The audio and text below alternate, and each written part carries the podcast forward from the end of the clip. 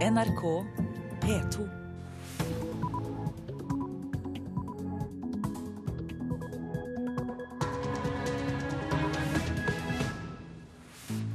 Ja, Mandag 17. mars klokka 6.30 er dette hovedsaker i Nyhetsmorgen. Feiring på Krim etter at et overveldende flertall stemte ja til løsrivelse fra Ukraina. EU vurderer sanksjoner mot russiske ledere. En halv milliard statlige kroner som skulle investeres i skognæringen, står fortsatt ubrukt. Jeg håper å få gjort det i løpet av neste år, men eh, det er ikke sikkert eh, at det skjer i hele tatt. Det er ikke sikkert jeg får investert halvparten engang. Stig Andersen i den norske stats investeringsselskap Investinor.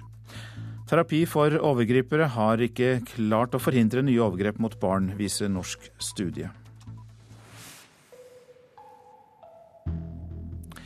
Her i studio i dag, Øystein Heggen, og vi starter på Krim, der det har vært feiring utover natten. Et overveldende flertall av innbyggerne på halvøya stemte for løsrivelse fra Ukraina og innlemmelse i den russiske føderasjon. Myndighetene på Krim planlegger nå å sende en søknad til Moskva så fort som mulig. Russland, Russland, blir det ropt fra scenen i Sevastopol. Resultatet var gitt på forhånd, men kanskje ikke alle hadde trodd at 96% av de oppmøtte skulle si ja til Russland og nei til Ukraina. I dag feirer alle innbyggerne i Sevastopol, sier Elena. Vi feirer at vi blir gjenforent med vårt hjemland. Det er et land, men også et prinsipp, sier hun. Vi glemte aldri. Vi er glade. Men hun avslører at det også er økonomiske motiver for valget.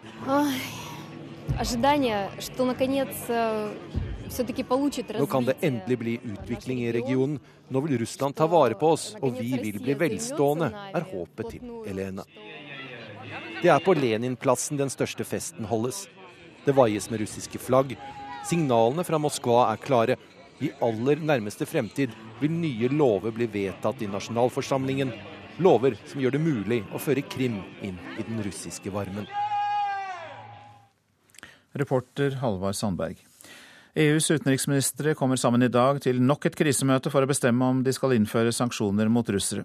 Gjennom helgen har de jobbet med lister over personer, men fortsatt håper de på en diplomatisk løsning.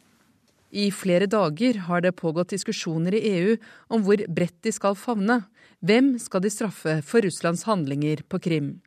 Trinn to av tre på EUs sanksjonsliste ligger på bordet når utenriksministrene møtes i dag.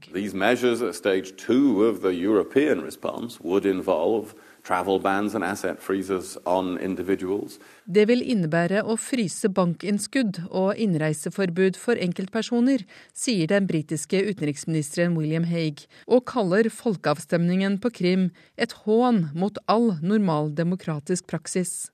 EU håper i det lengste å få en diplomatisk løsning, men nå i morgentimene renner tiden ut. Når utenriksministrene møtes litt over klokken ni, må de ta stilling til sanksjoner mot personer i Putins krets, og blir de enige, kan sanksjonene bli innført fra og med i morgen tidlig. Ennå håper de på dialog mellom Ukraina og Russland. Det som er helt klart, er at utenriksministrene vil komme med en felles uttalelse mot resultatet av folkeavstemningen, som de ikke anerkjenner. De vil også fortsette arbeidet for å finne ut hvor mye støtte de kan gi til overgangsregjeringen i Ukraina. Målet for EU sammen med USA blir å bidra så mye som mulig for å stabilisere Ukraina. Senere denne uka kommer stats- og regjeringssjefene sammen igjen i Brussel. Da må de tenke på steg tre og bryte handelsforbindelser med Russland. Noe de vet vil slå tilbake på dem selv. Åse Marit Befring, Brussel.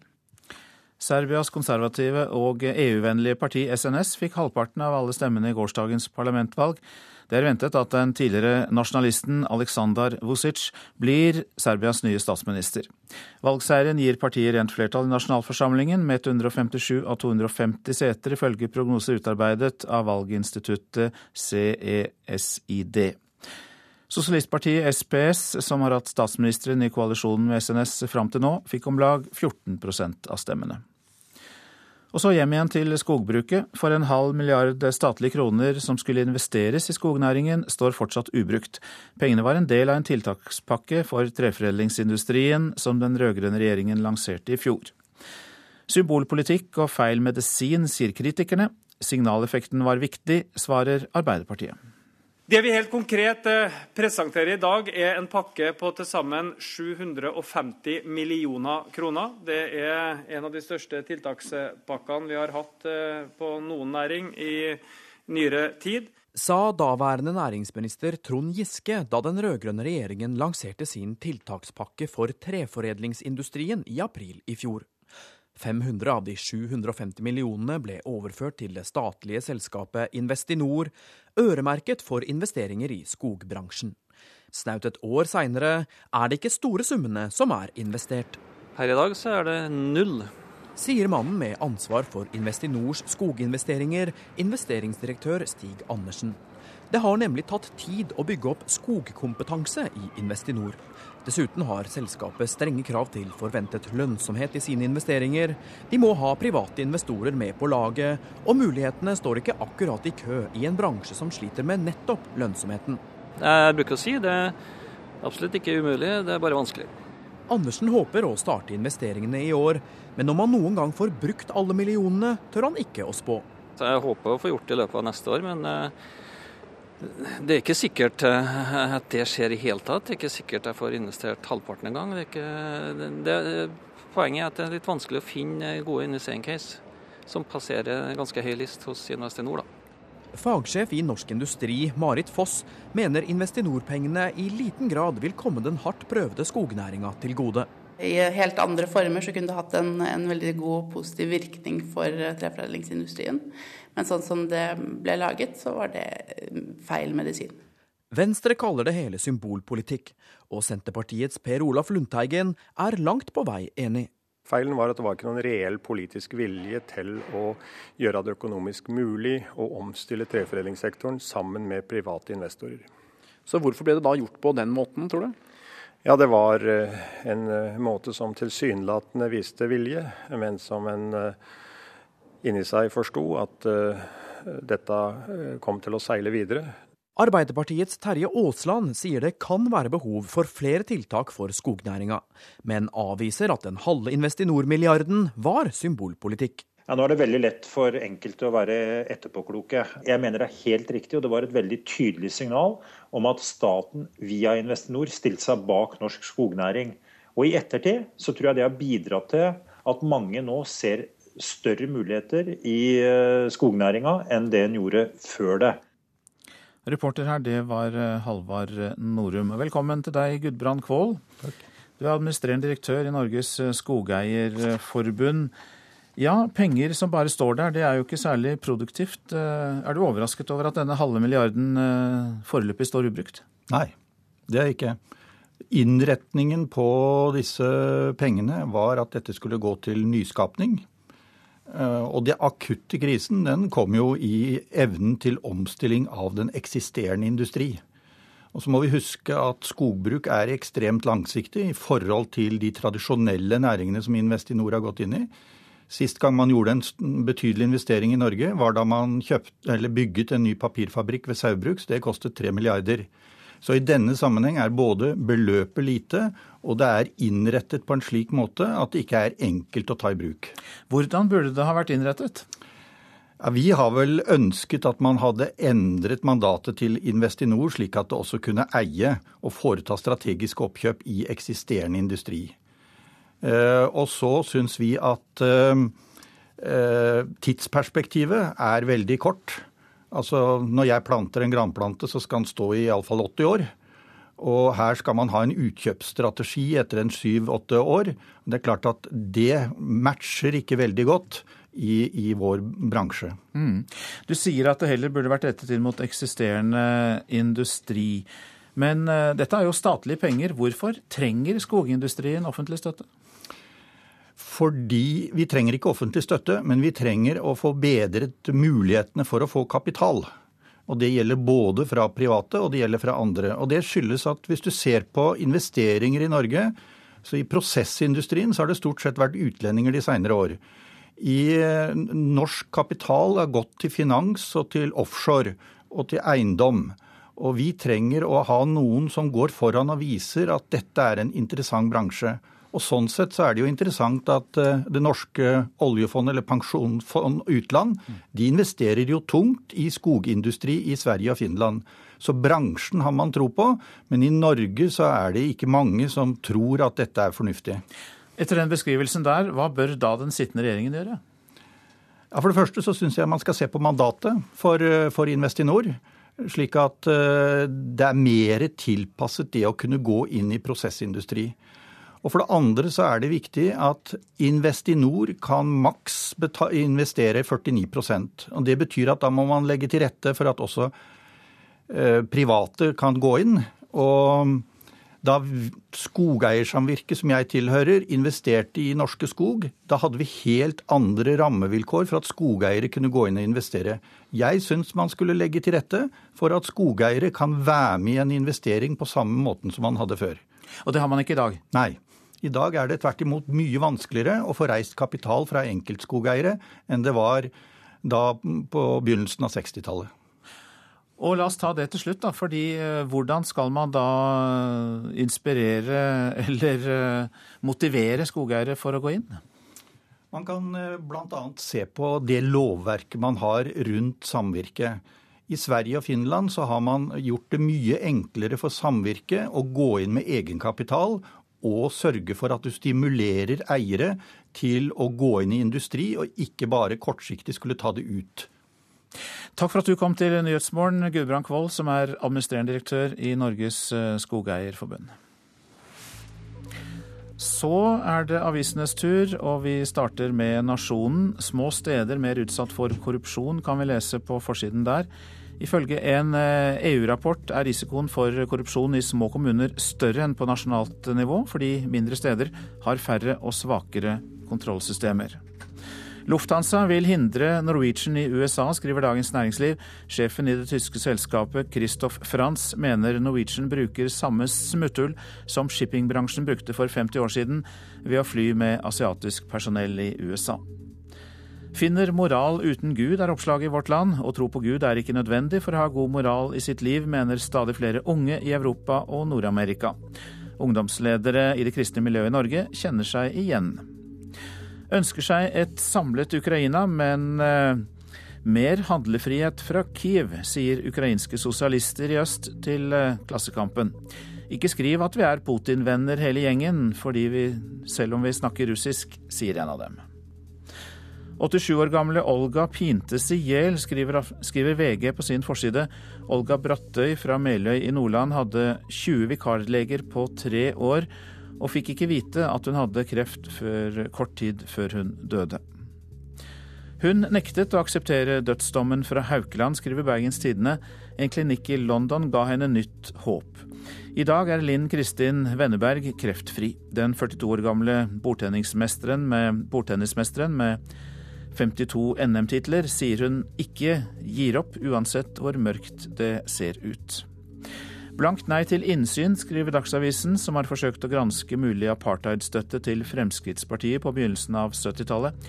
Partiet har avvist at grunnlegger Anders Lange fikk penger fra apartheidregimet, men nekter avisen å granske arkivene.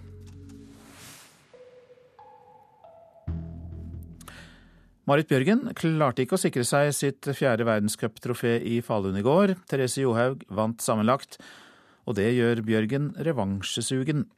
Likevel er det verken verdenscupseier eller VM-gull veteranen mangler i troféskapet foran neste sesong. Jeg føler på en måte ikke jeg har noe ugjort heller. Jeg har oppnådd utrolig mye. Eh, hvis det skulle være så er det jo Tour de Ski som jeg ikke har vunnet ennå sier Marit Bjørgen om det ene hun mangler på en suksesspreget CV.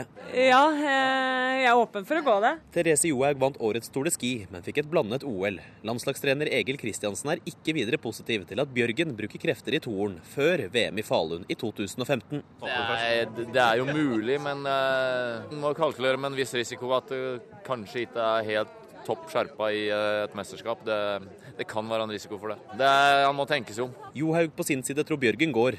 Ja, jeg tror Marit har lyst til å vinne Tour de Ski. og Hun går jo mot sine siste år som langrennsløper. Og veteranen selv mener det er forsvarlig, tross et VM senere i sesongen. At man bruker heller som en periode frem mot VM. Reporter i Falun, det var Mats Håby. Klokka den går med raske skritt mot 6.45. Vi har disse hovedsakene. Feiring på Krim etter at et overveldende flertall stemte ja til løsrivelse fra Ukraina. EU vurderer sanksjoner mot russiske ledere. En halv milliard statlige kroner som skulle investeres i skognæringen, står fortsatt ubrukt. Støtteordningen bør endres til også å gjelde etablert industri, mente Skogeierforbundet, som var her i studio nettopp. Og vi skal høre om lydkunst på glattcella skal gjøre det lettere å sitte i varetekt, tror politiet. Personer som misbruker barn seksuelt har ingen effekt av å gå i terapi. Det er konklusjonen i en ny forskning som eh, Aftenposten refererer til. Sammenligner man pedofile overgripere som har fått behandling av psykolog, med dem som ikke har fått det, er effekten av terapi lik null. Behandling eller ei. Én av fem forgrep seg seksuelt på barn på nytt. Studien gjort for Helsedirektoratet viser at ikke engang en liten effekt var å spore. Denne konklusjonen er fullstendig på villspor, det svarer psykolog Tore Langfelt i Aftenposten i dag. Han leder Institutt for klinisk sexologi og terapi, og er helt sikker på at psykologbehandling over flere år vil gi pedofile en sunn, positiv seksualitet. Medforfatter i studien, psykologspesialist Pål Grøndal, sier at mer forskning må til for å finne ut hva som virker og ikke. Han vil nå ha en langtidsstudie i samarbeid med nordiske land for å finne ut hva som kan få pedofile menn til ikke å røre barn seksuelt. Reporter her, det var Lise Heisel Asbjørnsen.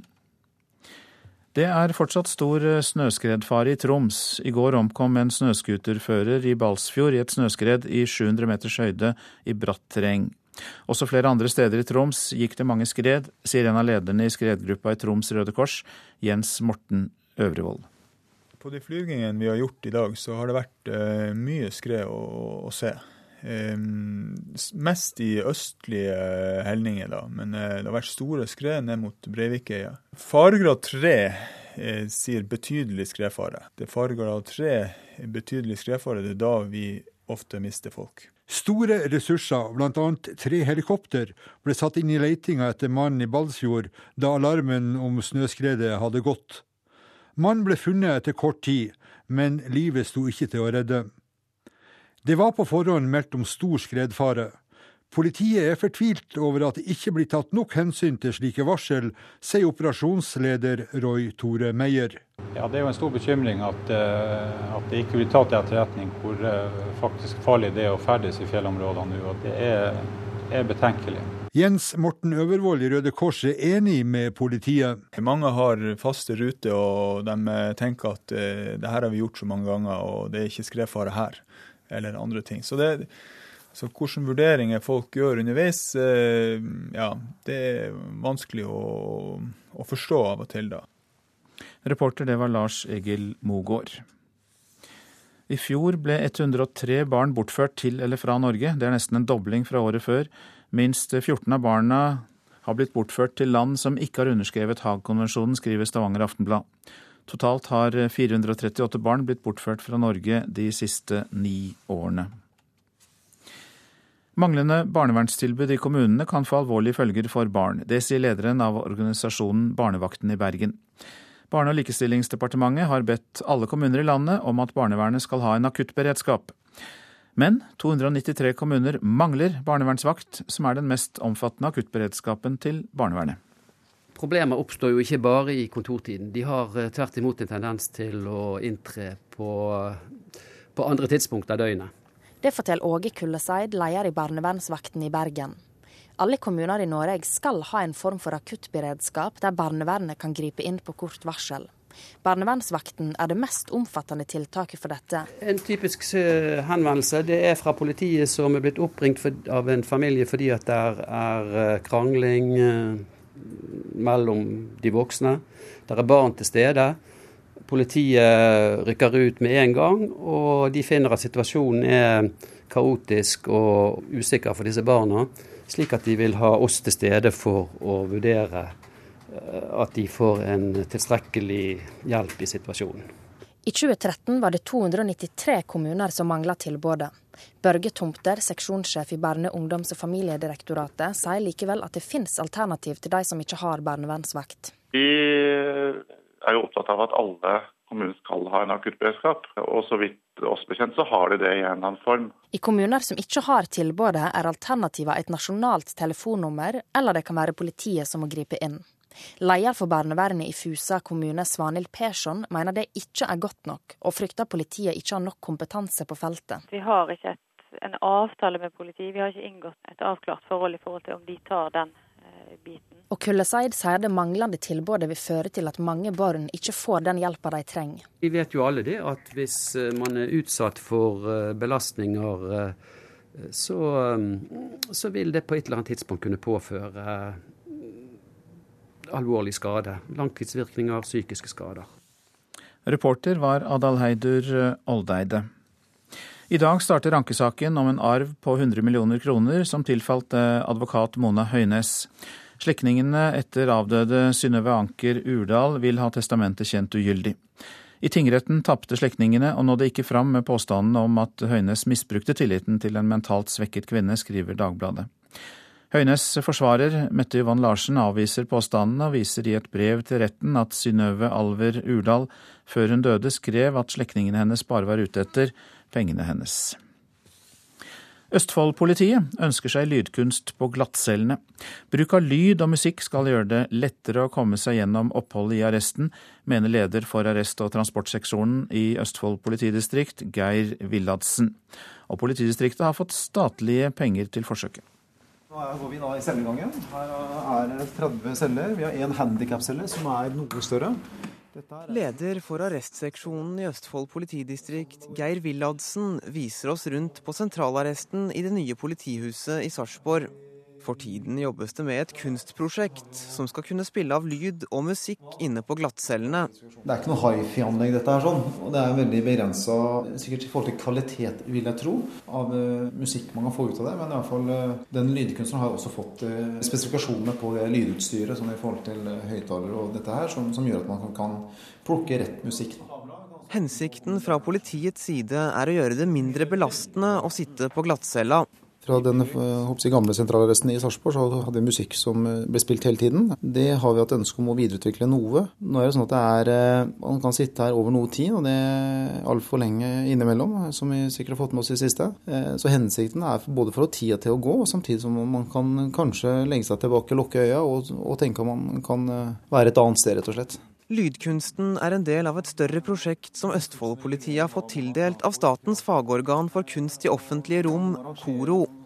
Seniorrådgiver for statlige leiebygg, Elisabeth Jahn, forteller at kunstprosjektet foreløpig er i et tidlig stadium. Selve bygget er jo helt nytt og har eh, flere elementer av eh, estetisering. Og vi utreder nå både muligheten for kunst på vegg og, og lydkunst. Og akkurat hvordan eh, dette endelig blir, det vet vi så mye mer om i løpet av noen helt få måneder. Om det blir popmusikk Bjøre Haaland eller hva det blir, det har jeg egentlig ikke noen formening om. Det er kunstneren som vil fremlegge et forslag, så vi ikke lagt noen føringer på det, annet enn at det ikke selvfølgelig skal trigge noen ting som helst. Det må være musikk eller lydfiler som gjør at det verken trigger aggresjon, seksualitet eller lignende. Når kunstneren er ferdig med sitt forslag, skal både Koro og politiet bestemme seg for om de vil gå for det.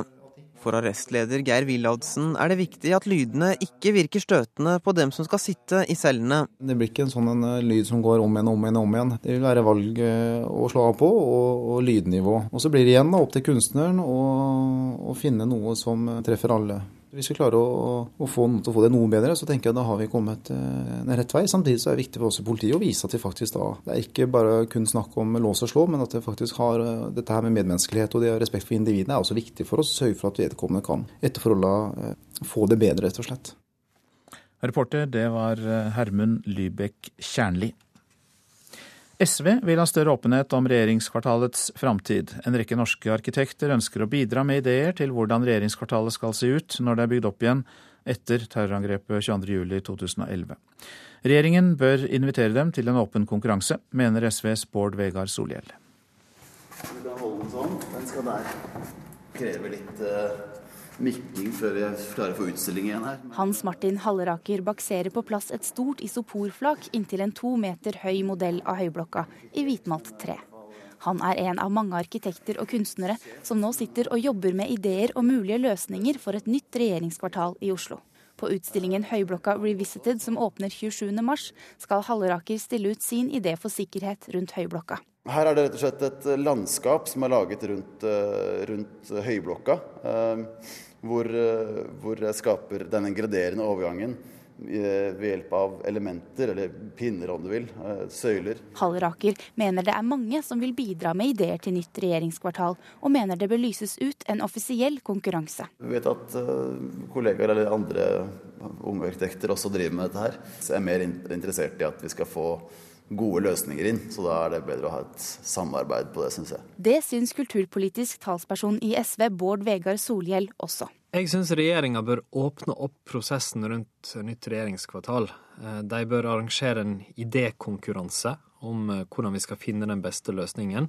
Fordi det sitter mange mennesker med viktig kompetanse og som føler eierskap til dette viktige prosjektet, og jeg syns at de bør inviteres inn med sine synspunkter og ideer. Og grunnen til at Solhjell mener en slik konkurranse må til, er Det er en enormt viktig beslutning, at regjeringa tar den sjøl, og at det er derfor den offentlige debatten er viktig at de sier på et tidlig tidspunkt hva de tenker, og åpner opp for en brei debatt. Hvis han ønsker å på en måte eh, starte prosessen fra nytt igjen av, så vil jo det forsinke opp denne prosessen. Jeg synes det sporet Jan Tore Sanner jobber etter, veldig klokt. Leder for kommunal- og forvaltningskomiteen på Stortinget, Helge André Njåstad, stiller seg uforstående til at det er lite åpenhet rundt planene for regjeringskvartalet. Nei, Min kommentar er jo at Jan Tore Sanner kjører en veldig åpen prosess. Han involverer samtlige partier i diskusjonen. og han har òg en åpen prosess med Oslo kommune og Riksantikvaren, så jeg kan ikke skjønne at det går an å gjøre dette mer åpent enn det ministeren allerede gjør. Jeg tror, jeg tror, det vil bli behov for arkitekter, men først må jo eh, eh, staten bestemme seg for hva man ønsker, og på en måte være mer tydelig på hva arkitektene skal jobbe med. Eh, og Den beslutningen ligger litt, litt, litt foran oss i tid, og når den er gjort, så er det selvfølgelig at ulike fagmiljø og arkitekter må inn i bildet i forhold til å tegne hvordan den arbeidsplassen for, for veldig mange statlige ansatte skal bli. Og Kommunal- og moderniseringsdepartementet ønsker ikke å kommentere dette før det har vært en åpen høring om regjeringskvartalet i morgen. Reporter Ina Charlotte Fjellhøy. Så var det været. Fjell i Sør-Norge først. Vestlig sterk kuling. Periodevis liten storm i høyfjellet. I kveld liten kuling, og så blir det snøbyger. Østlandet, Telemark og Aust-Agder tar vi i samme veiven. Vestlig stiv kuling på kysten og lokalt kraftige vindkast i innlandet. Enkelte snøbyger i nord og lengst i vest, men ellers pent vær. Fra i ettermiddag mindre vind og stort sett pent vær. Så går vi til Vest-Agder. Vestlig stiv kuling på kysten. I morgentimene sterk kuling. I kveld eh, frisk bris. Enkelte regnbyger vesentlig tidlig på dagen. Vestlandet sør for Stad. Nordvest stiv kuling, minkende til frisk bris, men liten kuling på kysten sør i Rogaland. Det blir regnbyger, snø i høyereliggende strøk.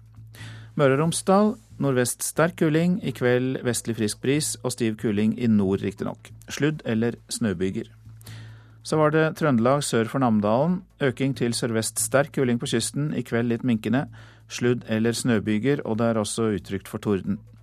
Namdalen sørøst liten kuling, i kveld sørvest frisk bris. På kysten kortvarig stiv kuling, og det blir snø. Nordland sørøst liten kuling, i ettermiddag minkende til nordøstlig bris nord for Sandnessjøen. Litt snø lengst sør, ellers pent vær i Nordland.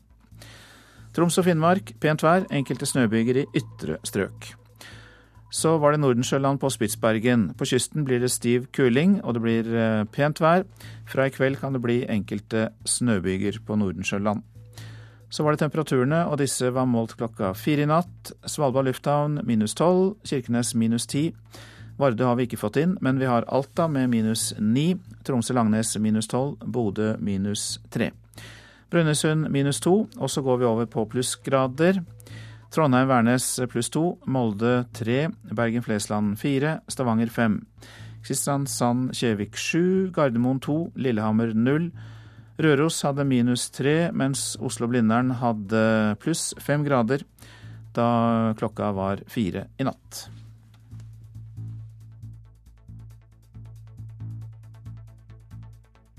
NRK P2.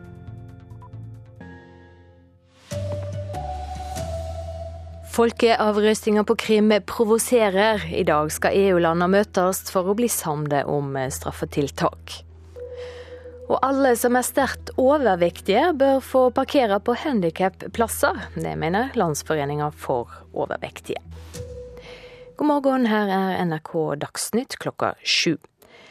Presidentene i USA og i Russland har i natt snakka sammen i etterkant av folkerøstinga på Krim i går. Et stort flertall av de som røysta sa ja til en nærere tilknytning til Russland. Vladimir Putin sa til Barack Obama at han er åpen for samtaler med Vesten, men tok opp igjen at avrøstinga er lovlig. Obama og en rekke vestlige ledere mener avrøstinga, en avrøsting som blir gjennomført etter en militær invasjon, strir mot folkeretten. Og Utenriksministrene i EU kommer i dag sammen til enda et krisemøte for å bestemme om de skal innføre sanksjoner mot Russland. EU håper fremdeles på en diplomatisk løsning av konflikten mellom Ukraina og Russland, men har planene klare for straffetiltak mot russerne. Trinn to av tre på EUs sanksjonsliste ligger på bordet når utenriksministrene møtes i dag.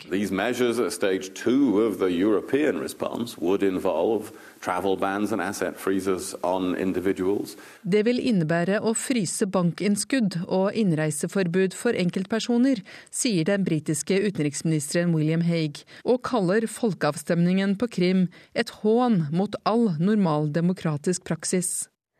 Det sa vår europakorrespondent Åse Marit Befring. Og utenriksministrene i EU møttes ved nitida. Da er det venta at de kommer med en felles kritikk av folkerøstinga i går. Samtidig varsler de lokale lederne på Krim at de nå vil søke formelt om å bli en del av Russland. Vi skal hjem igjen og høre at nordmenn som har problemer med å røre seg pga. overvekt, bør få parkeringskort for funksjonshemma. Det sier leder Jørgen Foss i Landsforeninga for overvektige. Han tror stadig flere overvektige kommer til å trenge parkeringskort i tida framover. Sykelig overvektige mennesker vil ha et behov for tilrettelagt parkering, rett og slett for å kunne fungere eh, i hverdagen. Eh, og jeg tror at vi til nå kun har sett en, en, liten liten brøkdel av det behovet som vil komme i fremtiden når det gjelder parkering for, eh, for mennesker med sykelig overvekt. Det sa Jørgen Foss i Landsforeninga for overvektige. To eh, kraftige jordskjelv har råket Chile i natt. En havneby og deler av et område langs kysten eh, ble evakuert, men det er ikke kommet meldinger om skader på mennesker eller bygninger. Det første skjelvet ble utløst under havbunnen eh, nord i landet, ble målt til en styrke på 6,7. Det andre var litt svakere, målt til 6,2. NRK Dagsnytt, Silje Sande. Og nå fortsetter Nyhetsmorgen. Vi får straks en rapport fra Hans-Wilhelm Steinfeld, som er på Krim. Og mener Handikapforbundet at det er greit at flere nordmenn får parkeringskort fordi de er eh, overvektige? Norsk utstyr hjelper okkupasjonsmakt med oljeboring i Vest-Sahara.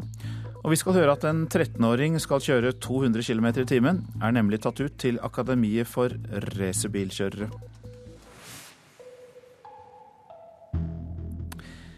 Ja, det var 95% av folk på Krim som stemte for at halvøya skulle slutte seg til eh, Russland. Og eh, USA, EU og vestmaktene anerkjenner ikke folkeavstemningen fordi den skjedde etter at russiske tropper rykket inn på Krim. Ja, det sa president Barack Obama til president Vladimir Putin i natt. Moskva-korrespondent Hans-Wilhelm Steinfeld, du er i Sevastopol på Krim. Hvordan er stemningen der?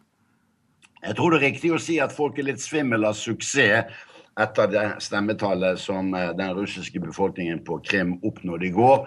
Og når jeg sier svimmel, så er det fordi at det er masse som skal skje. Det skal på plass nye ligningsmyndigheter, domstoler, administrasjon, personregistre, biltilsyn. Hva du vil. Det er ikke bare å slutte seg til en annen stat. Og byråkrati i Russland er minst like gale som her i Ukraina. Eh, så det er klart at folk spør seg selv hvor lett dette blir, og køene foran bankautomatene illustrerer jo det. Så eh, folk eh, de mener at det er kun én retning det går i nå, ut ifra at alt skal endres fra Biltilsynet til skattesystemet? Ja, det er klart de har stemt for å bli en del av Russland. Og det er jo en veritabel jobb å skifte ut et statsapparat i et område med tre millioner innbyggere.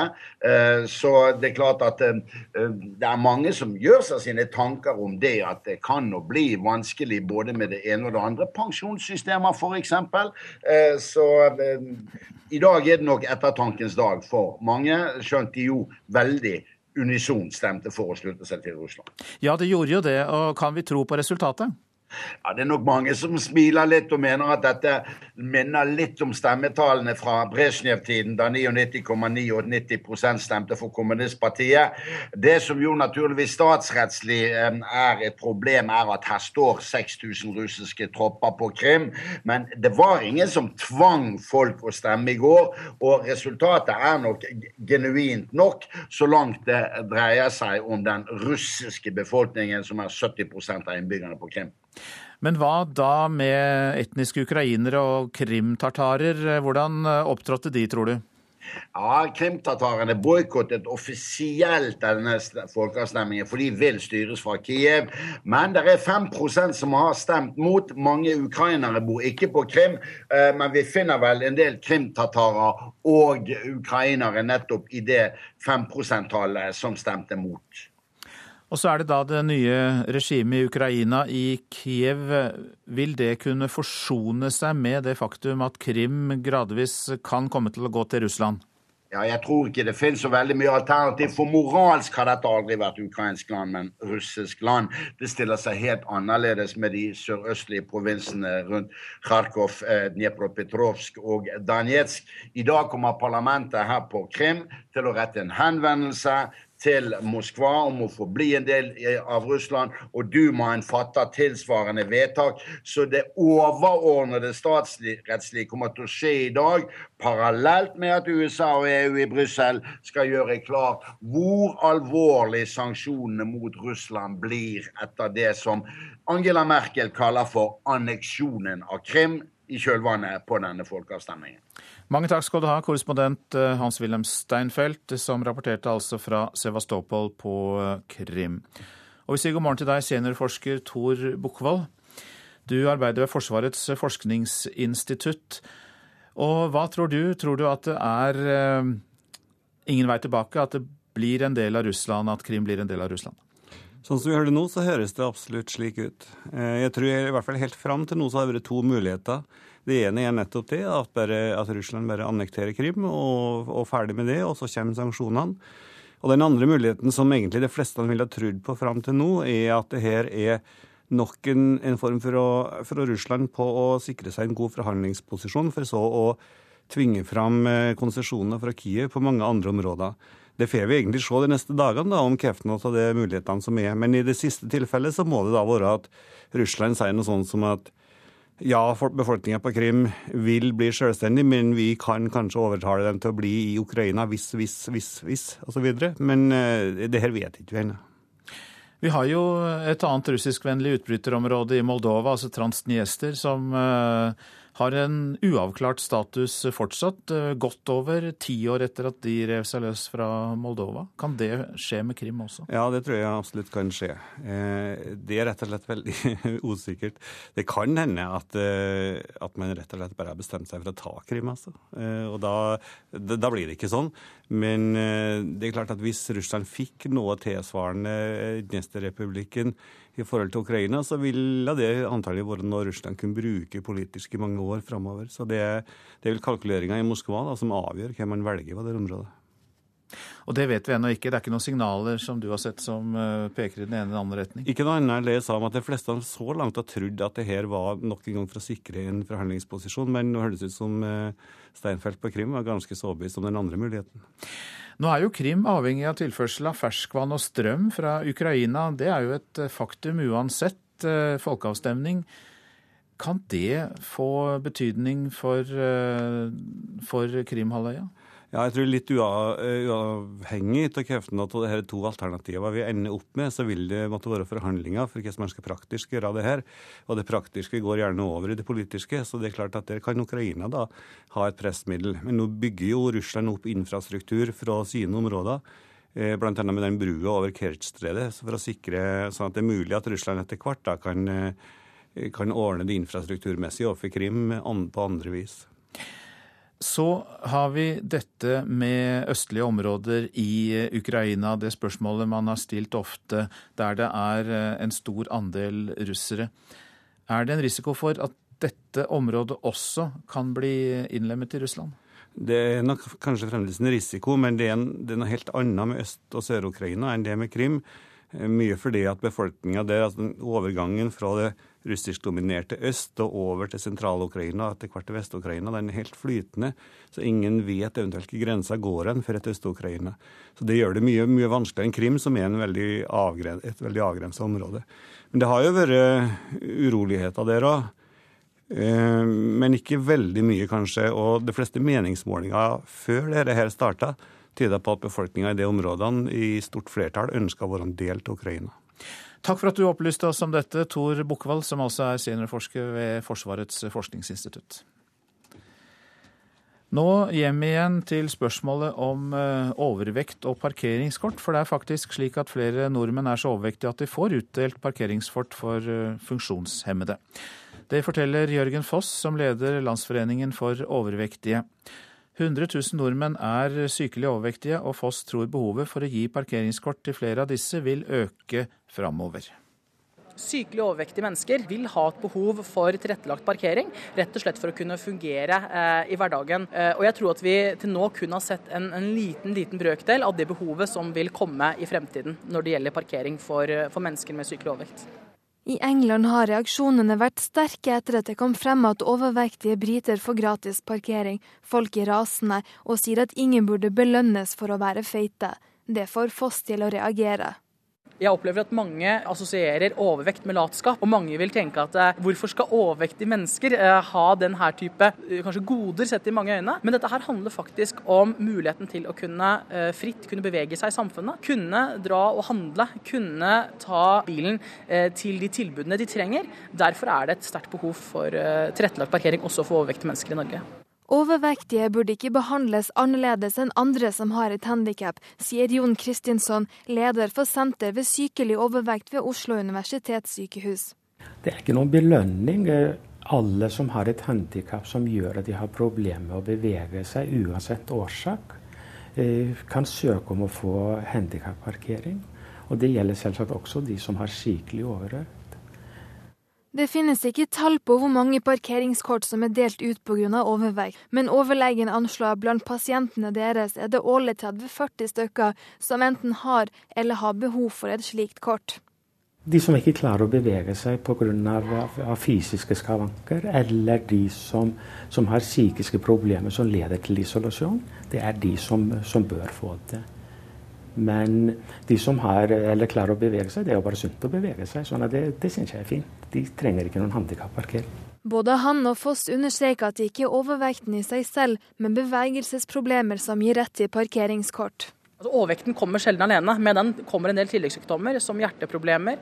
Det kan være uh, skjør kropp. Uh, det kan også være sånn at knærne er så sterkt belastet over mange år at behovet for å, uh, nærheten med, med, med et parkeringsskilt er helt nødvendig for å ikke bli isolert. Og det var Maria Abdi som hadde laget, Abdli som hadde laget denne reportasjen for oss. God morgen til deg, Arne Lein. Du er forbundsleder i Handikapforbundet. Ja, Vi hørte jo her at uh, mange reagerer på at overvektige med bevegelsesvansker får parkeringskort for folk med nedsatt funksjonsevne. Hva syns dere? Nei, Vi synes uh, det samme som kom fram i denne reportasjen. Årsaken til at folk skal ha disse parkeringskortene eller ha rett på de, det er at de har vansker med å bevege seg over en viss avstand. Enten det er pga. manglende bevegelsesevne, altså at de bruker rullestol. Det kan være personer med hjerte-karsykdommer som eh, får disse kortene. Og da er det også rimelig at personer med sterk overvekt kan ha rett til å få disse kortene. Så hensikten med kortene er nettopp å gjøre det slik at folk kan delta i samfunnet selv om de har gangvansker. Men samtidig så er det jo, kom det jo også fram her at det er de som mener at overvekt har man jo påført seg selv. Det er ikke en sykdom som har eh, rammet den. Så er, de mener at det er forskjell på det? Jeg tror det er et veldig galt perspektiv å stille spørsmål hvilke sykdommer har du påført deg selv eller ikke, og hvilke tilskudd eller ordninger skal du da få fra samfunnet. Vi vet at uh, mange andre sykdommer er også påført av oss selv ved hjelp av livsstil som vi lever. Trenger ikke være fedme. Uh, og hvis en da skulle vurdere hva skal samfunnet yte av bistand når en får en slik sykdom, da er vi ute på ganske ville veier. Men la oss ta dette med hva som må til for å få et parkeringskort for eh, det vi vel kan kalle forflytningshemmede. Det er rett og slett at man da For det første så er det kommunen som tildeler disse kortene. Og det er grupper i kommunene som avgjør ut fra en skjønnsvurdering. Eh, og til grunn for dette så ligger det en legeerklæring som beskriver den bevegelsesvansken som personen som søker da har. Og så blir det opp til kommunen og den vurderingen de gjør, eh, i hvilken grad vedkommende tilfredsstiller de kravene som stilles av kommunen. For det er ikke noen nasjonal ordning i dette. Det er hver kommune som måte finner fram til sine ordninger. Men kan man få dette i en periode? For jeg vil jo tro at en, en gravid med bekkenløsning eh, f.eks. vil kunne synes det er litt pussig at en som er veldig stor og feit, får den type parkeringskort, mens hun da ikke har det. Så kan man ha dette i en periode hvor man virkelig har problemer med å bevege seg. Ja, det finnes tilfeller at man kan få det i en for, for kortere perioder. Så heter det at det skal være en varig funksjonsnedsettelse eller varig bevegelsesvanske. Eh, en kvinne med bekkenløsning som du nevner konkret, så kjenner vi til at det er alle kvinner med, som er gravide, har i og for seg en bekkenløsning. Det er ikke alle som plages av det. Mm. Uh, og noen av de, dessverre, får en varig skade av det. Uh, og de vil ha krav på det fordi den blitt varig. Uh, fedme er nok også for mange, dessverre, en varig situasjon. Så stikkordet her er at det er noe som er varig problem? Ja, det skal være over en viss varighet. Det skal ikke være at den har brukket beinet, for å ta et annet eksempel, og så får en parkeringsport de månedene, ukene en går med gips. Det som kanskje er den store utfordringen i dette, det er at, eh, og det, det, opplever vi, at mange steder så er det veldig få parkeringsplasser. Slik at kommunene må sørge for at det blir nok parkeringsplasser i forhold til de kortene de tildeler. For uten den sammenhengen så blir det vanskeligere for alle sammen. Da blir det neste diskusjon. Det gjør det. Takk skal du ha, Arne Lein, som er forbundsleder i Handikapforbundet. Ja, du lytter til Nyhetsmorgen, og klokka den passerte 7.17 nettopp. Dette er hovedsaker. Feiring på Krim etter at et overveldende flertall stemte ja til løsrivelse fra Ukraina. EU vurderer sanksjoner mot russiske ledere. Flere nordmenn er altså så overvektige at de får parkeringskort som funksjonshemmede, som vi nettopp uh, hørte. Og eh, vi skal også høre om en 13-åring som snart skal kjøre 200 km i timen. Men nå om eh, utstyr fra Aker Solutions eh, som snart skal brukes til oljeboring utenfor det okkuperte Vest-Sahara. Til tross for at verdenssamfunnet ber alle bedrifter holde seg unna, blir dermed norsk utstyr brukt for å hjelpe okkupasjonsmakten Marokko. Bål og sang lyser opp natten i det brutale ørkenklimaet sørvest i Algerie. Her bor hundretusener av saharawi-folket i trange teltleirer. Mange rundt leirbålene har vært flyktninger helt siden Marokko hærtok hjemlandet Vest-Sahara i 1979. Okkupasjonen er også årsaken til at norske myndigheter fraråder alle bedrifter å operere i Vest-Sahara. Likevel har norske Aker Solutions levert utstyr for 300 millioner kroner til et riggskip som snart blir det første til å bore etter olje utenfor den okkuperte kysten. Eh, eh, det er trist. Det er rett og slett det er trist for det sahrawiske folk, som har folkeretten og retten på sin side til, en, eh, til å selv bestemme hva som skal skje med landet deres. Sier Erik Hagen, leder i den norske støttegruppen for Vest-Sahara. Og så støtter altså et, et ledende norsk selskap opp om det som vil kunne eh, være det avgjørende støtet for at sahrawene ikke får den retten innfridd. Det øyeblikk Marokko finner olje i Vest-Sahara, da, eh, da, må sahrawiene se langt etter retten til selvbestemmelse. Bak Aker Solutions står bl.a. Kjell Inge Røkke og den norske stat. Kommunikasjonssjef Bunny Noriani bedyrer likevel at selskapet har levert utstyret til skipet som nå bygges i Sør-Korea, i god tro. I henhold til Aker Solutions interne retningslinjer så leverer vi ikke utstyr til Vest-Sahara.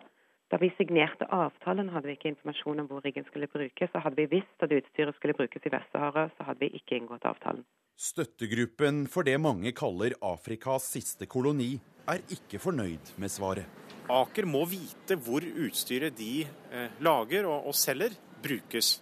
Og det øyeblikk Aker ble gjort oppmerksom på dette, da skulle de ha, ha snudd alle steiner for å finne ut hvordan skal vi eh, forhindre at, eh, at dette vil skje. Og det virker jo ikke som om dette har skjedd engang. Men Aker Solutions fastholder at det ikke var mulig å avdekke at riggskipet skulle ende opp utenfor Vest-Sahara. Og nå er det for sent å gjøre noe, sier Noriani. Vi har eh, per dags dato ingen mulighet til å påvirke hvor operatøren skal mobilisere riggen. Og vi har i praksis heller ingen mulighet til å sanksjonere våre kunder dersom riggen blir flyttet. Dette fordi utstyret er inkorporert i riggen. Reportere her, det var Johan B. Settem og Sindre Heidal. Syriske regjeringsstyrker har i helgen tatt over byen Jabrod nær den libanesiske grensen. Det var den siste store byen opprørerne holdt i dette området. Midtøsten-korrespondent Sigurd Falkenberg Mikkelsen, du er med oss. Hva innebærer det? Ayabrod var en viktig by, både symbolsk og strategisk. Eh, det betyr at opprørerne ikke lenger har et eh, knutepunkt for å smugle inn våpen inn i denne delen av landet. Og det gjør at Bashar al-Assads styrker eh, nå befester sin posisjon i disse områdene, som binder Damaskus sammen med Homs og middelhavskysten. Dette er en offensiv som har pågått en god stund. Jeg kjørte forbi der for et par-tre uker siden, og da fløy artillerigranatene over hodene på, på oss. Men nå har de altså eh, også rykket inn med bakkesoldater, eh, sammen med, så vidt jeg forstår, eh, Hizbollah-styrker. Og det vi også har sett, er at denne, disse kampene i Abrod viste nok en gang splittelse blant opprørerne. For Det har kommet rapporter om at den frie syriske hæren trakk seg ut, mens islamistene i Jabhat al-Nusra ble igjen for å slåss. Og Dette ligger jo nær Libanon. Hvilke følger kan det få for nabolandet? Jeg tror umiddelbart så er det der det er farligst akkurat nå. Eh, det er veldig mange sunnimuslimske syrere som nå er fordrevet eh, fra disse grenseområdene. Eh, og veldig mange av de har samlet seg i en liten by som heter Ersal. Der er det nå minst 51 000 syriske flyktninger. Uh, og dette ligger midt i et uh, område omkranset av uh, sjiamuslimske landsbyer hvor den libanesiske militsen Hizbollah dominerer. Uh, og vi har sett at det er en, en, økt spenning i disse områdene. Det var en bilbombe i går uh, hvor uh, minst to mennesker ble drept. og Jeg vil ikke bli overrasket hvis det også skulle komme til væpnede kamper i Ersal. Vi har allerede sett at det syriske flyvåpenet bomber i denne byen. Det er også kommet rapporter om at regimet i Syria bruker sult som våpen. Hva kan du si om det?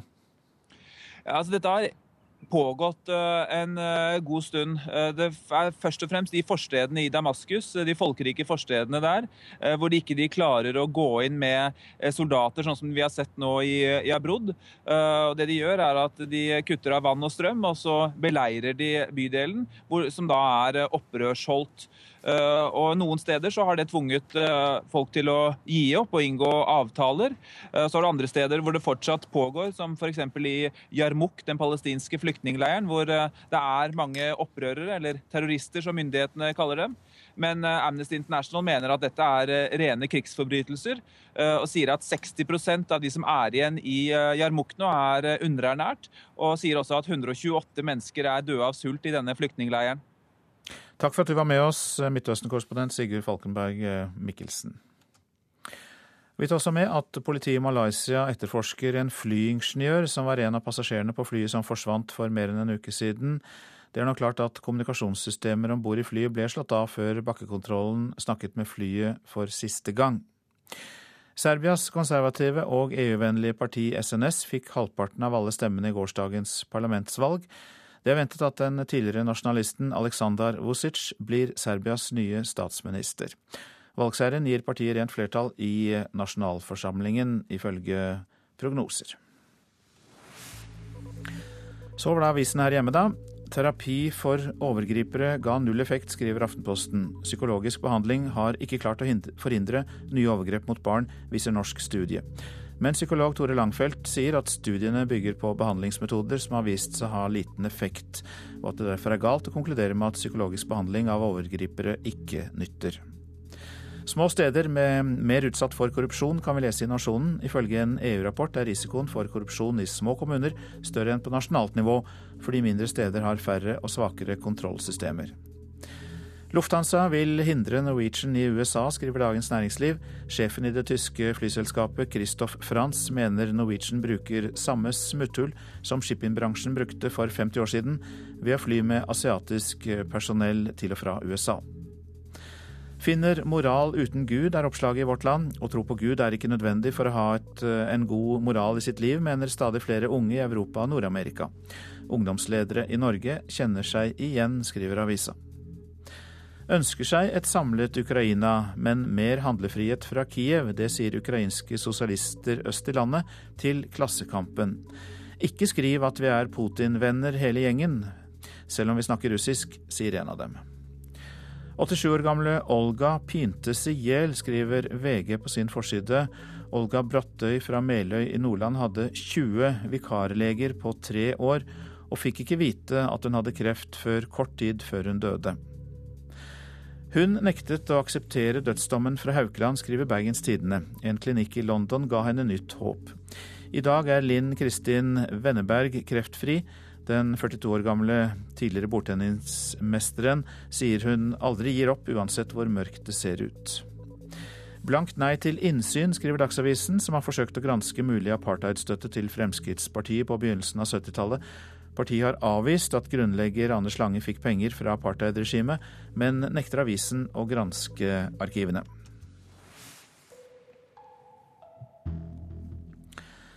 Nå om søskenparet Thea og Theodor Olsen fra Moelv, som er plukket ut til Norges første akademi for lovende racerbilkjørere.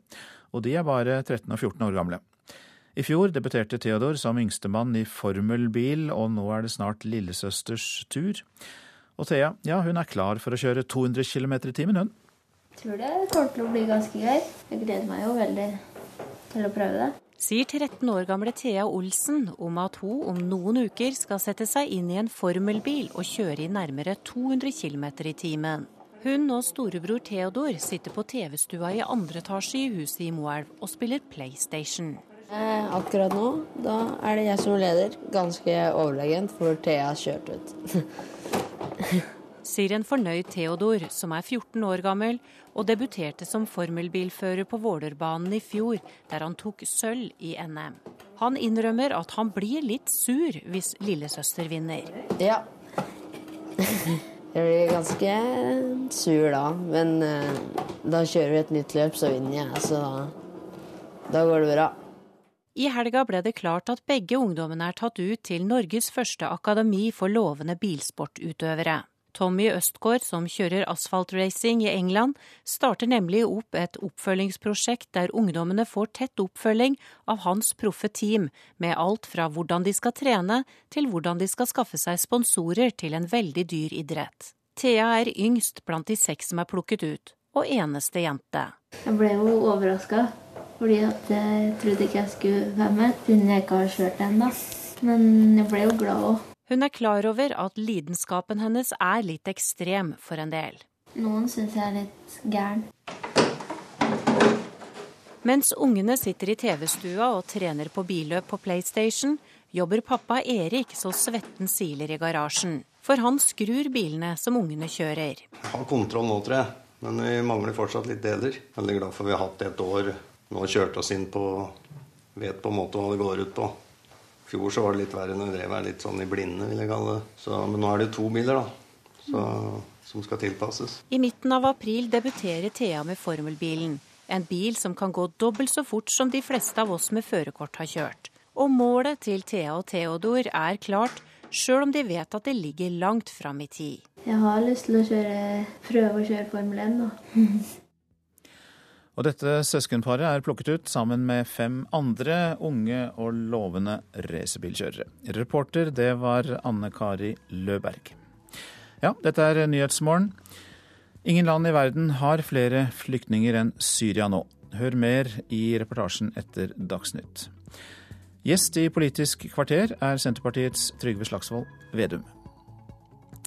Produsent for Nyhetsmorgen i dag det er Anne Jetlund Hansen. Her i studio Øystein Heggen. Og vi minner om det utmerkede nettstedet radio.nrk.no. Altså radio.nrk.no, der du kan høre alle NRKs radiokanaler og spole deg tilbake hvis det er noe du ikke har fått med deg.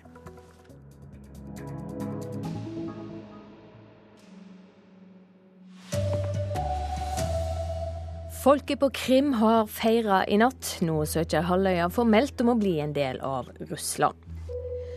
Norsk oljeboringsutstyr skal brukes av okkupasjonsmakt. Leverandøren Aker Solutions visste ingenting. Og svært overvektige må få parkeringskort for funksjonshemma. Det mener interesseorganisasjonen deres. God morgen, her er NRK Dagsnytt klokka 7.30. Et overveldende flertall av innbyggerne på Krimhalvøya røysta i går ja til å gå ut av Ukraina og bli en del av Russland. Og i natt var det fest. Russland, Russland, blir det ropt fra scenen i Sevastopol. Resultatet var gitt på forhånd, men kanskje ikke alle hadde trodd at 96% av de oppmøtte skulle si ja til Russland og nei til Ukraina. I dag feirer alle innbyggerne i Sevastopol, sier Elena. Vi feirer at vi blir gjenforent med vårt hjemland. Det er et land, men også et prinsipp, sier hun. Vi glemte aldri. Vi er glade. Men hun avslører at det også er økonomiske motiver for valget.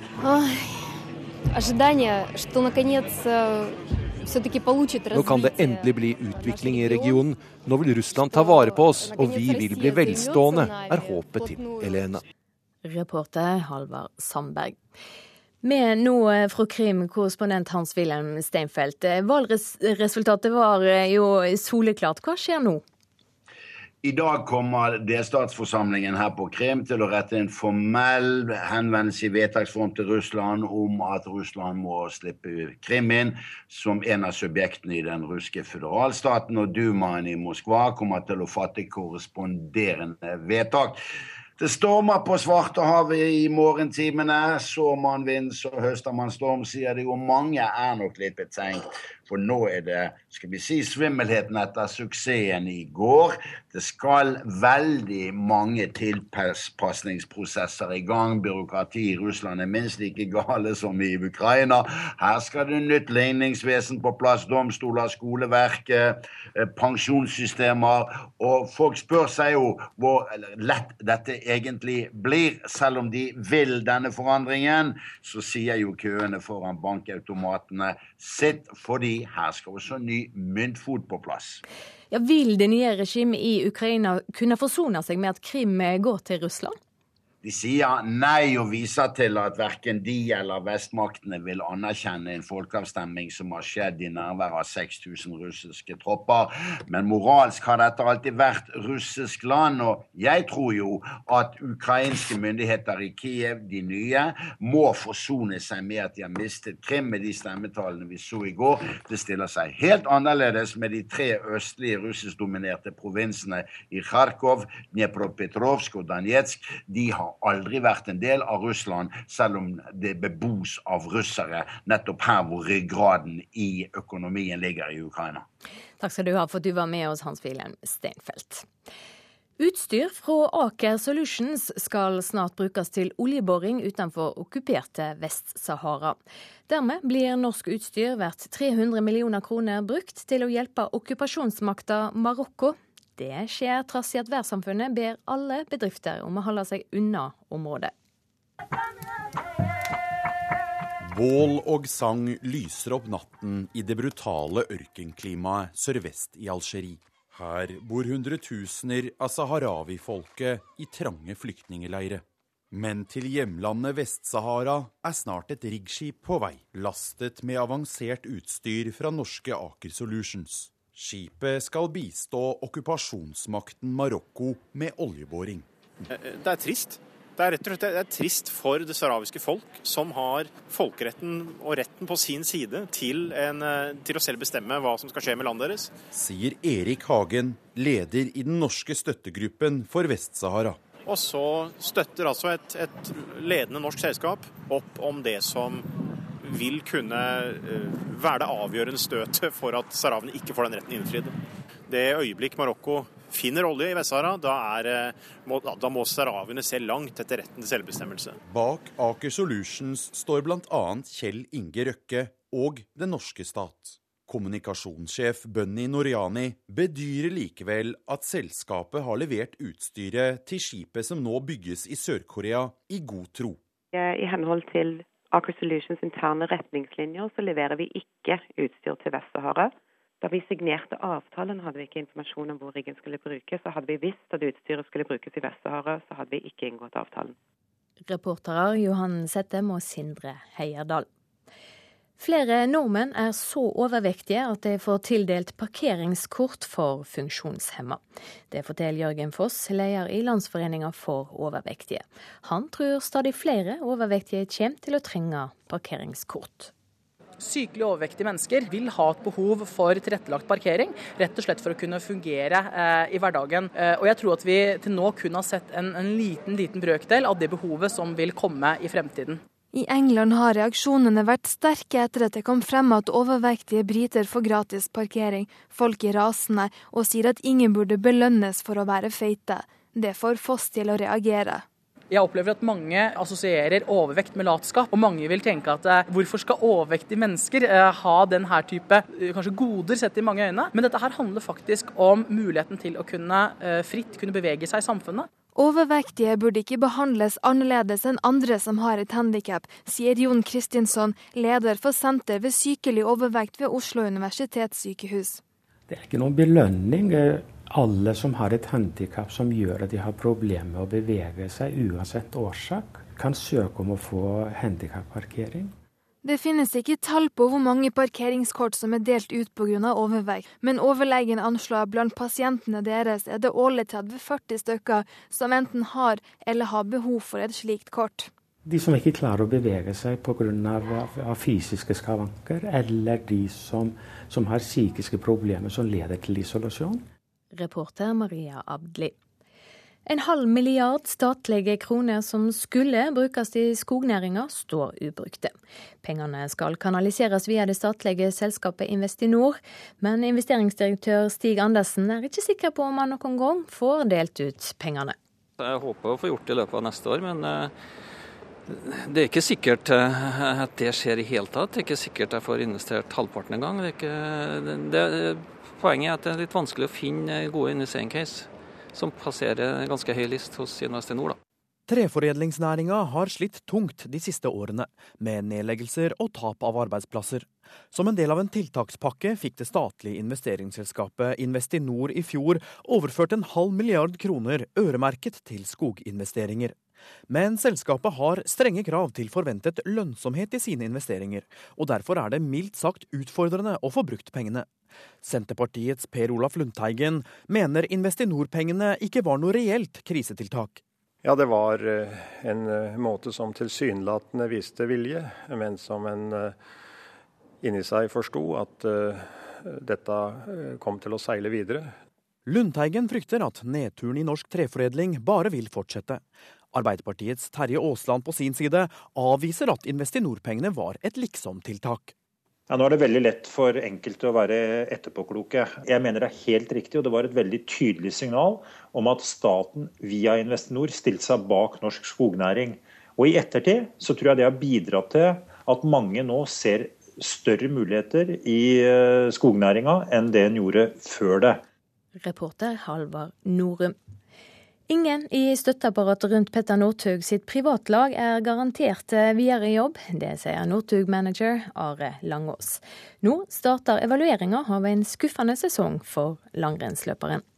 Vi har ikke hatt den eh, måloppnåelsen som vi hadde håpa på i, i skisporet. Sier Petter Northugs manager Are Langås før de begynner på sesongevalueringen denne uken. NRKs langrennsekspert Torgeir Bjørn tror endringer må til dersom Northug skal lykkes under VM i Falun i 2015. Jeg tror ikke han bør kikke litt på det de folka han har rundt seg, og spørre seg om han har de beste folka på alle de ulike funksjonene som jobber opp mot uh, Petter. For jeg tror vel kanskje at han bør gjøre noen endringer i, i det teamet for å få enda bedre uttelling neste vinter. Ingen er garantert å få fortsette i apparatet rundt Northugs privatlag, svarer Langås. Det er ingen som har noe friplass her. Vi skal gjøre en god evaluering av av, av alle sammen. Det er ingen som er gitt å bli med videre, og det er heller ikke gitt at alle sammen ønsker å være med videre. Sånn er det bare.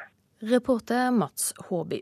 Ansvarlig for Dagsnytt i dag, Elin Pettersen. Teknisk ansvarlig Hanne Lunås. I studio, Silje Sande.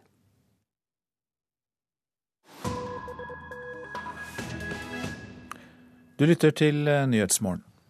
Syria var et land med drøyt 20 millioner innbyggere før krigen begynte for tre år siden. 6,5 millioner av dem er nå fordrevet i sitt eget land.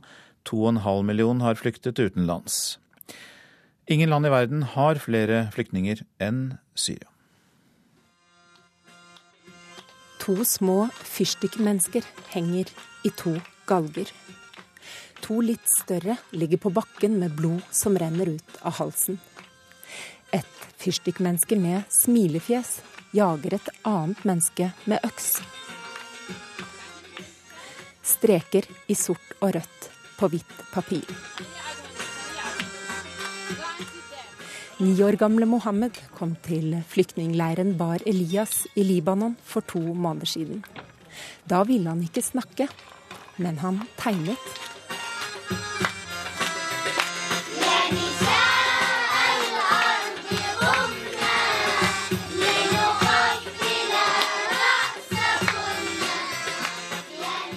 I et telt på et eh, barnesenter i leiren får de små muligheten til å synge, leke og være barn igjen. Og de får hjelp til å bearbeide traumer av organisasjoner som Redd Barna og Unicef. Think about the worsening suffering of the children. Remember that they bear no responsibility for the violence among their elders. They are quite simply Barna har ingen skyld, de er kun ofre, sier Unicefs leder Tony Lake. Over 10 000 barn har mistet livet i konflikten. Over to millioner syriske barn er på flukt i eget land, mens over én million barn har flyktet til nabolandene.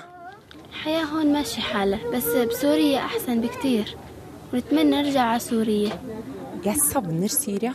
Vi hadde det fint før huset vårt ble ødelagt, sier 13 år gamle Naiva. Nå bor hun i et eh, lite skur laget av pinner, striesekker og støvete tøystykker. Sammen med sju andre.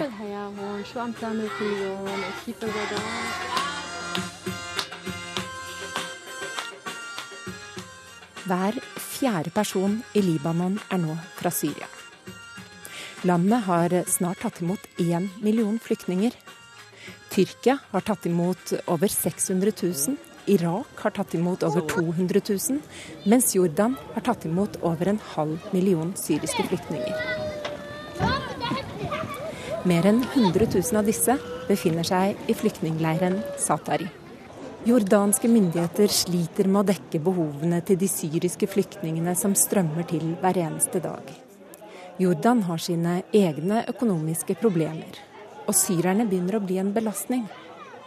Like fullt blir de ønsket velkommen being just a human being, then you would uh, reach out to these people and try to assist them as much as you can. Det er en menneskelig plikt å hjelpe, sier Suar Savalia, som er jordaner og jobber for Redd Barna. It doesn't matter. Uh, they're in a bad situation, and as Jordanians, we've always done that. It, it's not the first time. We've done that with the Palestinians, we've done it with the Iraqis, we've done it with the Lebanese, we've done it with Syrians now, and it's just the, the way we are. Og det var Nina Bull Jørgensen som hadde laget denne reportasjen. Du lytter til Nyhetsmorgen, og dette er noen av hovedpunktene i dag. Folket på Krim har feiret i natt. Etter et overveldende ja til å bryte med Ukraina, søker halvøya nå formelt om å bli en del av Russland. Norsk oljeboringsutstyr skal brukes til, uh, av okkupasjonsmakten Marokko i Vest-Sahara. Leverandøren Aker Solutions visste ingenting om dette. En halv milliard statlige kroner som skulle investeres i skognæringen, står fortsatt ubrukt. Støtteordningen bør endres til også å gjelde etablert industri, mener Norges Skogeierforbund. Og svært eh, overvektige må få parkeringskort for funksjonshemmede. Det mener deres interesseorganisasjon. Og så minner vi om nettstedet radio.nrk.no, der du altså kan høre alle NRKs radiokanaler og eh, spole deg tilbake tre timer dersom det er noe du ønsker å høre om igjen. Her i Nyhetsmorgen gjør vi det nå klart for Politisk kvarter.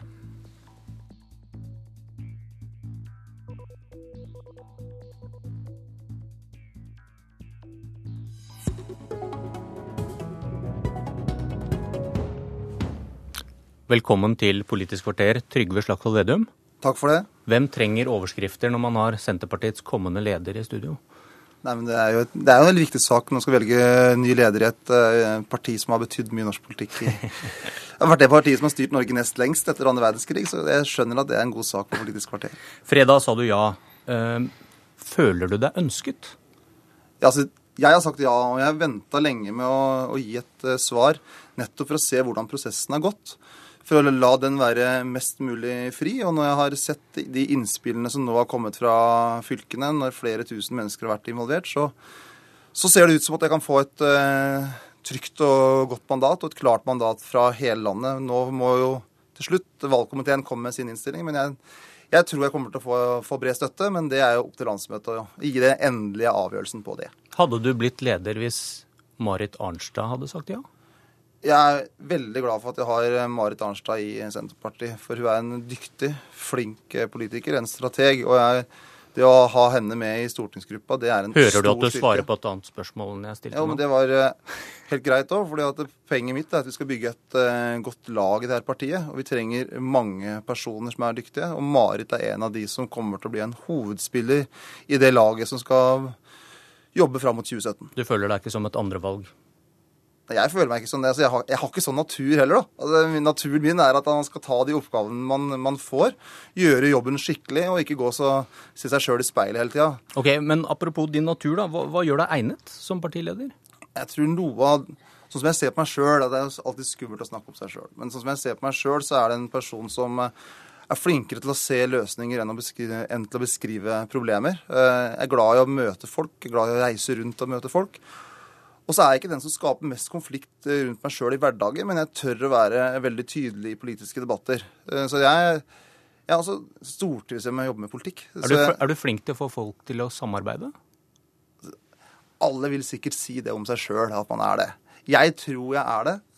Min erfaring fra de snart ni år jeg har vært på Stortinget er sånn at jeg har klart å få folk til å samarbeide, men så får andre vurdere hva de synes. Men min subjektive oppfatning av meg sjøl er at jeg er flink til å få folk til å samarbeide. Men du klarte det ikke i dagens partiledelse med Ola Borten Moe og Liv Signe Navarsete? Jeg syns det er trist at uh, så dyktige politikere som Ola Borten Moe og Liv Signe Navarsete at det ettermælet etter samarbeidet mellom dem uh, har blitt mye mer konflikt enn alt det de har fått til. Men prøvde du å få det til å fungere? Selvfølgelig har vi alle prøvd å jobbe, og jeg syns jeg har fått til veldig mye òg. Men, hva, men hva gjorde du for å, for å, løse den konflikten mellom dem? Altså, Gårsdagen er gårsdagen. Det viktigste vi fikk til, er jo alle de politiske løsningene vi klarte å få Hører til. Hører du at du svarer på et spørsmål nei, jeg ikke stilte nå? Nei, ja, jeg mener at jeg svarer på spørsmålet, men jeg er ikke sikkert jeg er fornøyd med svaret. For at det, det som drukner litt når det blir så mye personfokus som det er nå, er alt eh, vi fikk til i de åtte åra vi var i regjering. Og Liv Signe Navarsete fikk til veldig mye. Ola Borten Moe fikk til veldig mye. Men så pga. all det her persondiskusjonen så drukner det. Så jeg synes, selv om det har overskriften den siste tiden har vært konflikt, så mener jeg også den ledelsen jeg var en del av, eh, fikk til veldig mye. Hvordan vil du forholde deg til uenighet som partileder? Nei, Jeg kommer til å ha et ganske romslig forhold til politisk uenighet. For jeg mener det er en fordel for et parti at det er, et, at det er en levende politisk debatt, der det er takhøyde for nye ideer, og at man ser stort på det. Men, Men når vi har fatta vedtak, så skal et parti ha styrke. Så må når det er fatta vedtak, så må man stå sammen, kjempe for det. Og da vil selvfølgelig noen vinne én gang, andre vinne en annen gang. Men en romslig partikultur er en god partikultur. Har Ola Borten Moe gått over den streken du nå satte mens dere har sittet i ledelsen sammen? Altså, alle gjør vi feil. Altså, det gjør jeg, det gjør Ola Borten Moe, det gjør Liv Signe Navarsete. Og det er en del av det å jobbe i det intense miljøet som toppolitikken er. Borten... Hører du at du er i utkanten av å svare på det jeg spurte om nå? Ja, jeg, skjønner at jeg, du mener det. Men jeg mener at Ola Borten Moe har selvfølgelig gjennom å ha vært statsråd over mange år, vært stortingsrepresentant over mange år og vært nestleder over flere år, blitt spurt og stilt spørsmål på mange ulike ting. At han noen ganger har sagt andre ting enn det jeg er enig i, det er en del av den politiske debatten. Hvor, hvor vil du sette grensen da for den høyttenkingen som du sier du setter pris på, hvis du får Ola Borten Moe med i ledelsen din? Altså, for det er vel en av hans forser, at han faktisk tenker høyt? Jeg syns jo det er bra eh, at politikere tenker høyt og er trygge på det. Eh, så det er jeg helt sikker på. Eh, uansett hvem som blir valgt i den ledelsen, så kommer vi til å klare å få til det på en god måte. Steinar Næss, tidligere generalsekretær i partiet ditt, påstår at kretsen rundt Borten Moe forsøkte på et kupp mot Navarsete. De, de, ville fjerne henne. Vil du vite om det er sant eller ikke? Altså, det som graver rundt det der, har jeg ingen behov for. Altså, mitt behov er å jobbe med politikk. Da vil vel dette bare ligge og gjære? Sånne alvorlige påstander mot en som du kanskje skal ha med deg i ledelsen?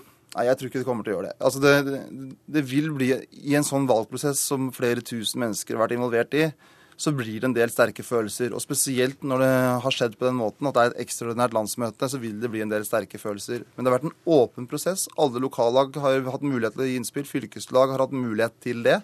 Og så skal eh, valgkomiteen komme med sin innstilling, og landsmøtet ta sitt valg.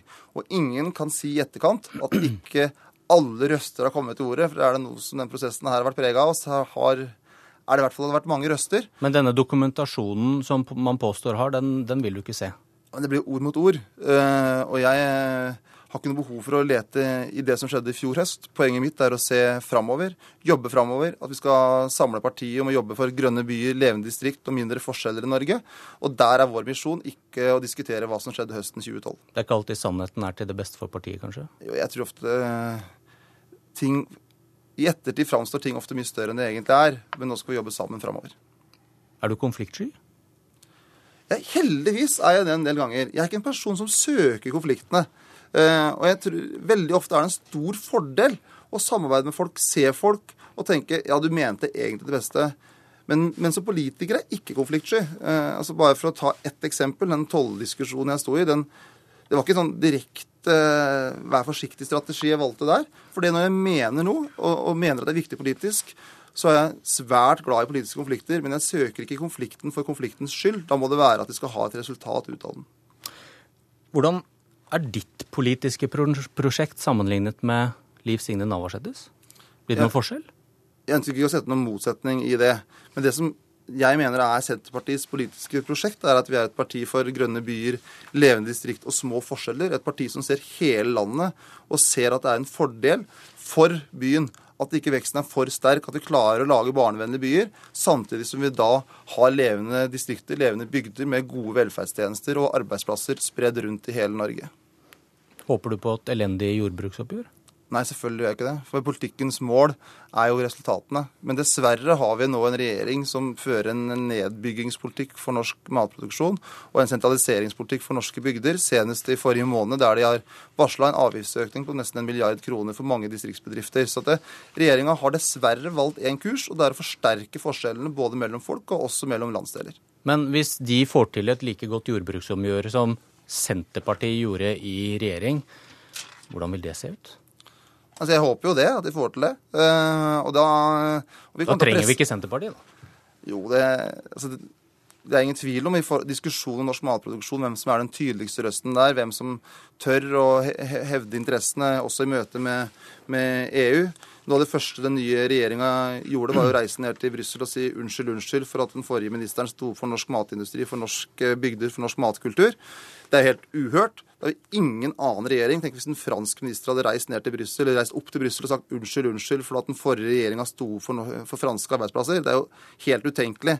Så det at Senterpartiet er der, er en tydelig røst og står opp for vår kultur, vår matindustri, det er helt nødvendig. Du, hvem vil du samarbeide med inn mot neste stortingsvalg?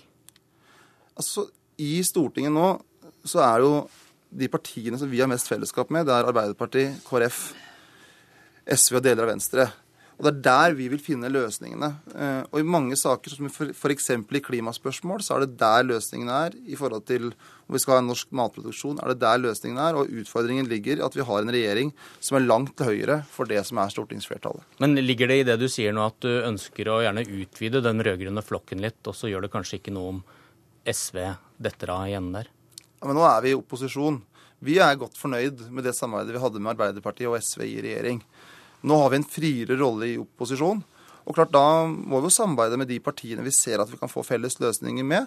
Og der er jo Arbeiderpartiet og KrF, eh, Venstre og SV alle er, de, alle er, partier som vi kan få løsninger med. Og da må vi samarbeide med de, uavhengig av at vi samarbeider tettere med bare Arbeiderpartiet og SV i forrige periode. Et sentrumsparti kan jo da per definisjon kanskje samarbeide til begge sider. Kan, kan Senterpartiet sitte i regjering med Høyre en gang i framtiden? Altså, eh, Politikken endrer seg, så hva som skjer langt i framtida, det skal ikke jeg sitte og si noe om nå. Men eh, dagens uh, Høyre og den starten den nye regjeringa har hatt, viser jo at liksom, hovedsakene deres, som f.eks. å slå sammen kommuner, også med tvang, det er en motpol til det Senterpartiet står for. Og det er jo innholdet i politikken som er det viktige. Og da ser vi nå at vi får gjennomslag for flere saker sammen med f.eks. Arbeiderpartiet og KrF enn vi får med Høyre. Inn mot landsmøtet så står kampen om ikke deg, men nestleder Ola Borten Moe. Eh, vil du advare mot kampvotering? Nei, Det er jo partidemokratiets eh, privilegium. At hvis man ikke gjennom prosessen eh, har blitt enige, så er det til sjuende og sist landsmøtet som bestemmer. Og jeg, eh, jeg syns ikke det er noe feil, for det, det, er en del av en valgprosess. Heldigvis er det mange som ønsker å være kandidater for Senterpartiet. Og så får valgkomiteen da hvis de finner en samme løsning, så gjør de det. Hvis de ikke gjør det, så er en del av et partidemokrati at vi har eh, åpne debatter og en votering på et møte. Og når den voteringa har skjedd, så har den personen som blir valgt, uansett uh, hvem det er, legitimitet til å gjøre en uh, frimodig og god jobb som nestleder. Takk, Trygve Slagsvold Vedum. Velkommen, politisk kommentator i NRK, Lars Nehru Sand. Hva taler for at Trygve Slagsvold Vedum blir en god leder for Senterpartiet? Han er en person som kjenner partiet godt gjennom mange år og fra ulike vinkler. Mange har kjent han tilbake fra sin tid som leder av Senterungdommen. Men han har vært nestleder, jobba med partiprogrammet og, eh, for inneværende periode, og kjenner dermed eh, det litt brokete Senterpartilandskapet landet rundt ut fra deres innspill i den prosessen. Og så har han en nødvendig statsråderfaring som har gitt han den eh, helt avgjørende tyngden han trenger for å gå løs på dette vervet. Hva taler mot? For mange av de som ikke er kritiske til han, men avventende til eh, Slagsvold Vedum, så frykter man at han blir for lett og har for liten pondus i type partilederdebattsettinger og sånn, hvor det å kjenne sitt eget parti ikke er nok. Eh, og så blir han jo valgt som sin forgjenger eh, ikke helt etter planen og på et ekstraordinært vis. Er han et andrevalg?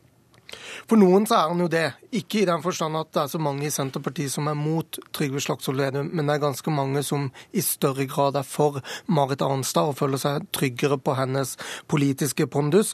Eh, men eh, de har tillit til at eh, Slagsvold Vedum er den beste gitt dagens forutsetninger. Det er ofte interessant å se på hovedpersonen som sitter og ser på bli, at han blir kommentert, og foreløpig har han steinansikt, for å si det sånn. Eh, du, Lars Nehru Sand, vil Senterpartiets politikk endre seg? Med det han har sagt i dette intervjuet, så er det vanskelig å se at han tydelig eh, definerer et politisk prosjekt for sin lederperiode av partiet, som får oss til å se på Senterpartiet med helt andre øyne enn det vi har gjort eh, de fire eller åtte siste årene. Blir det endringer i hvem de samarbeider med? Vi hørte han snakke om det her i stad. Nei, og det er jo litt gitt eh, situasjonen i Stortinget, som man selv var inne på. Eh, så hovedretningen, altså om man samarbeider mot Arbeiderpartiet eller Høyre som den eh, definitive drivkraften i samarbeidet, så blir det ikke det. Og så vil mye skje i norsk politikk frem til 2017. Så var det Ola Borten Moe. Hva, hva tror du valgkomiteen lander på nå på torsdag?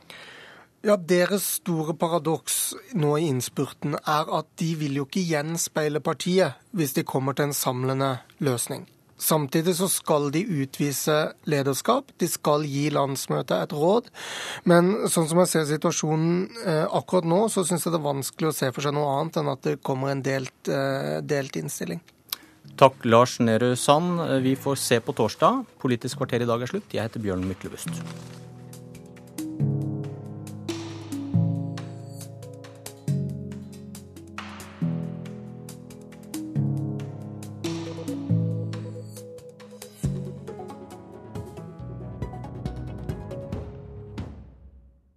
Hør flere podkaster på nrk.no podkast.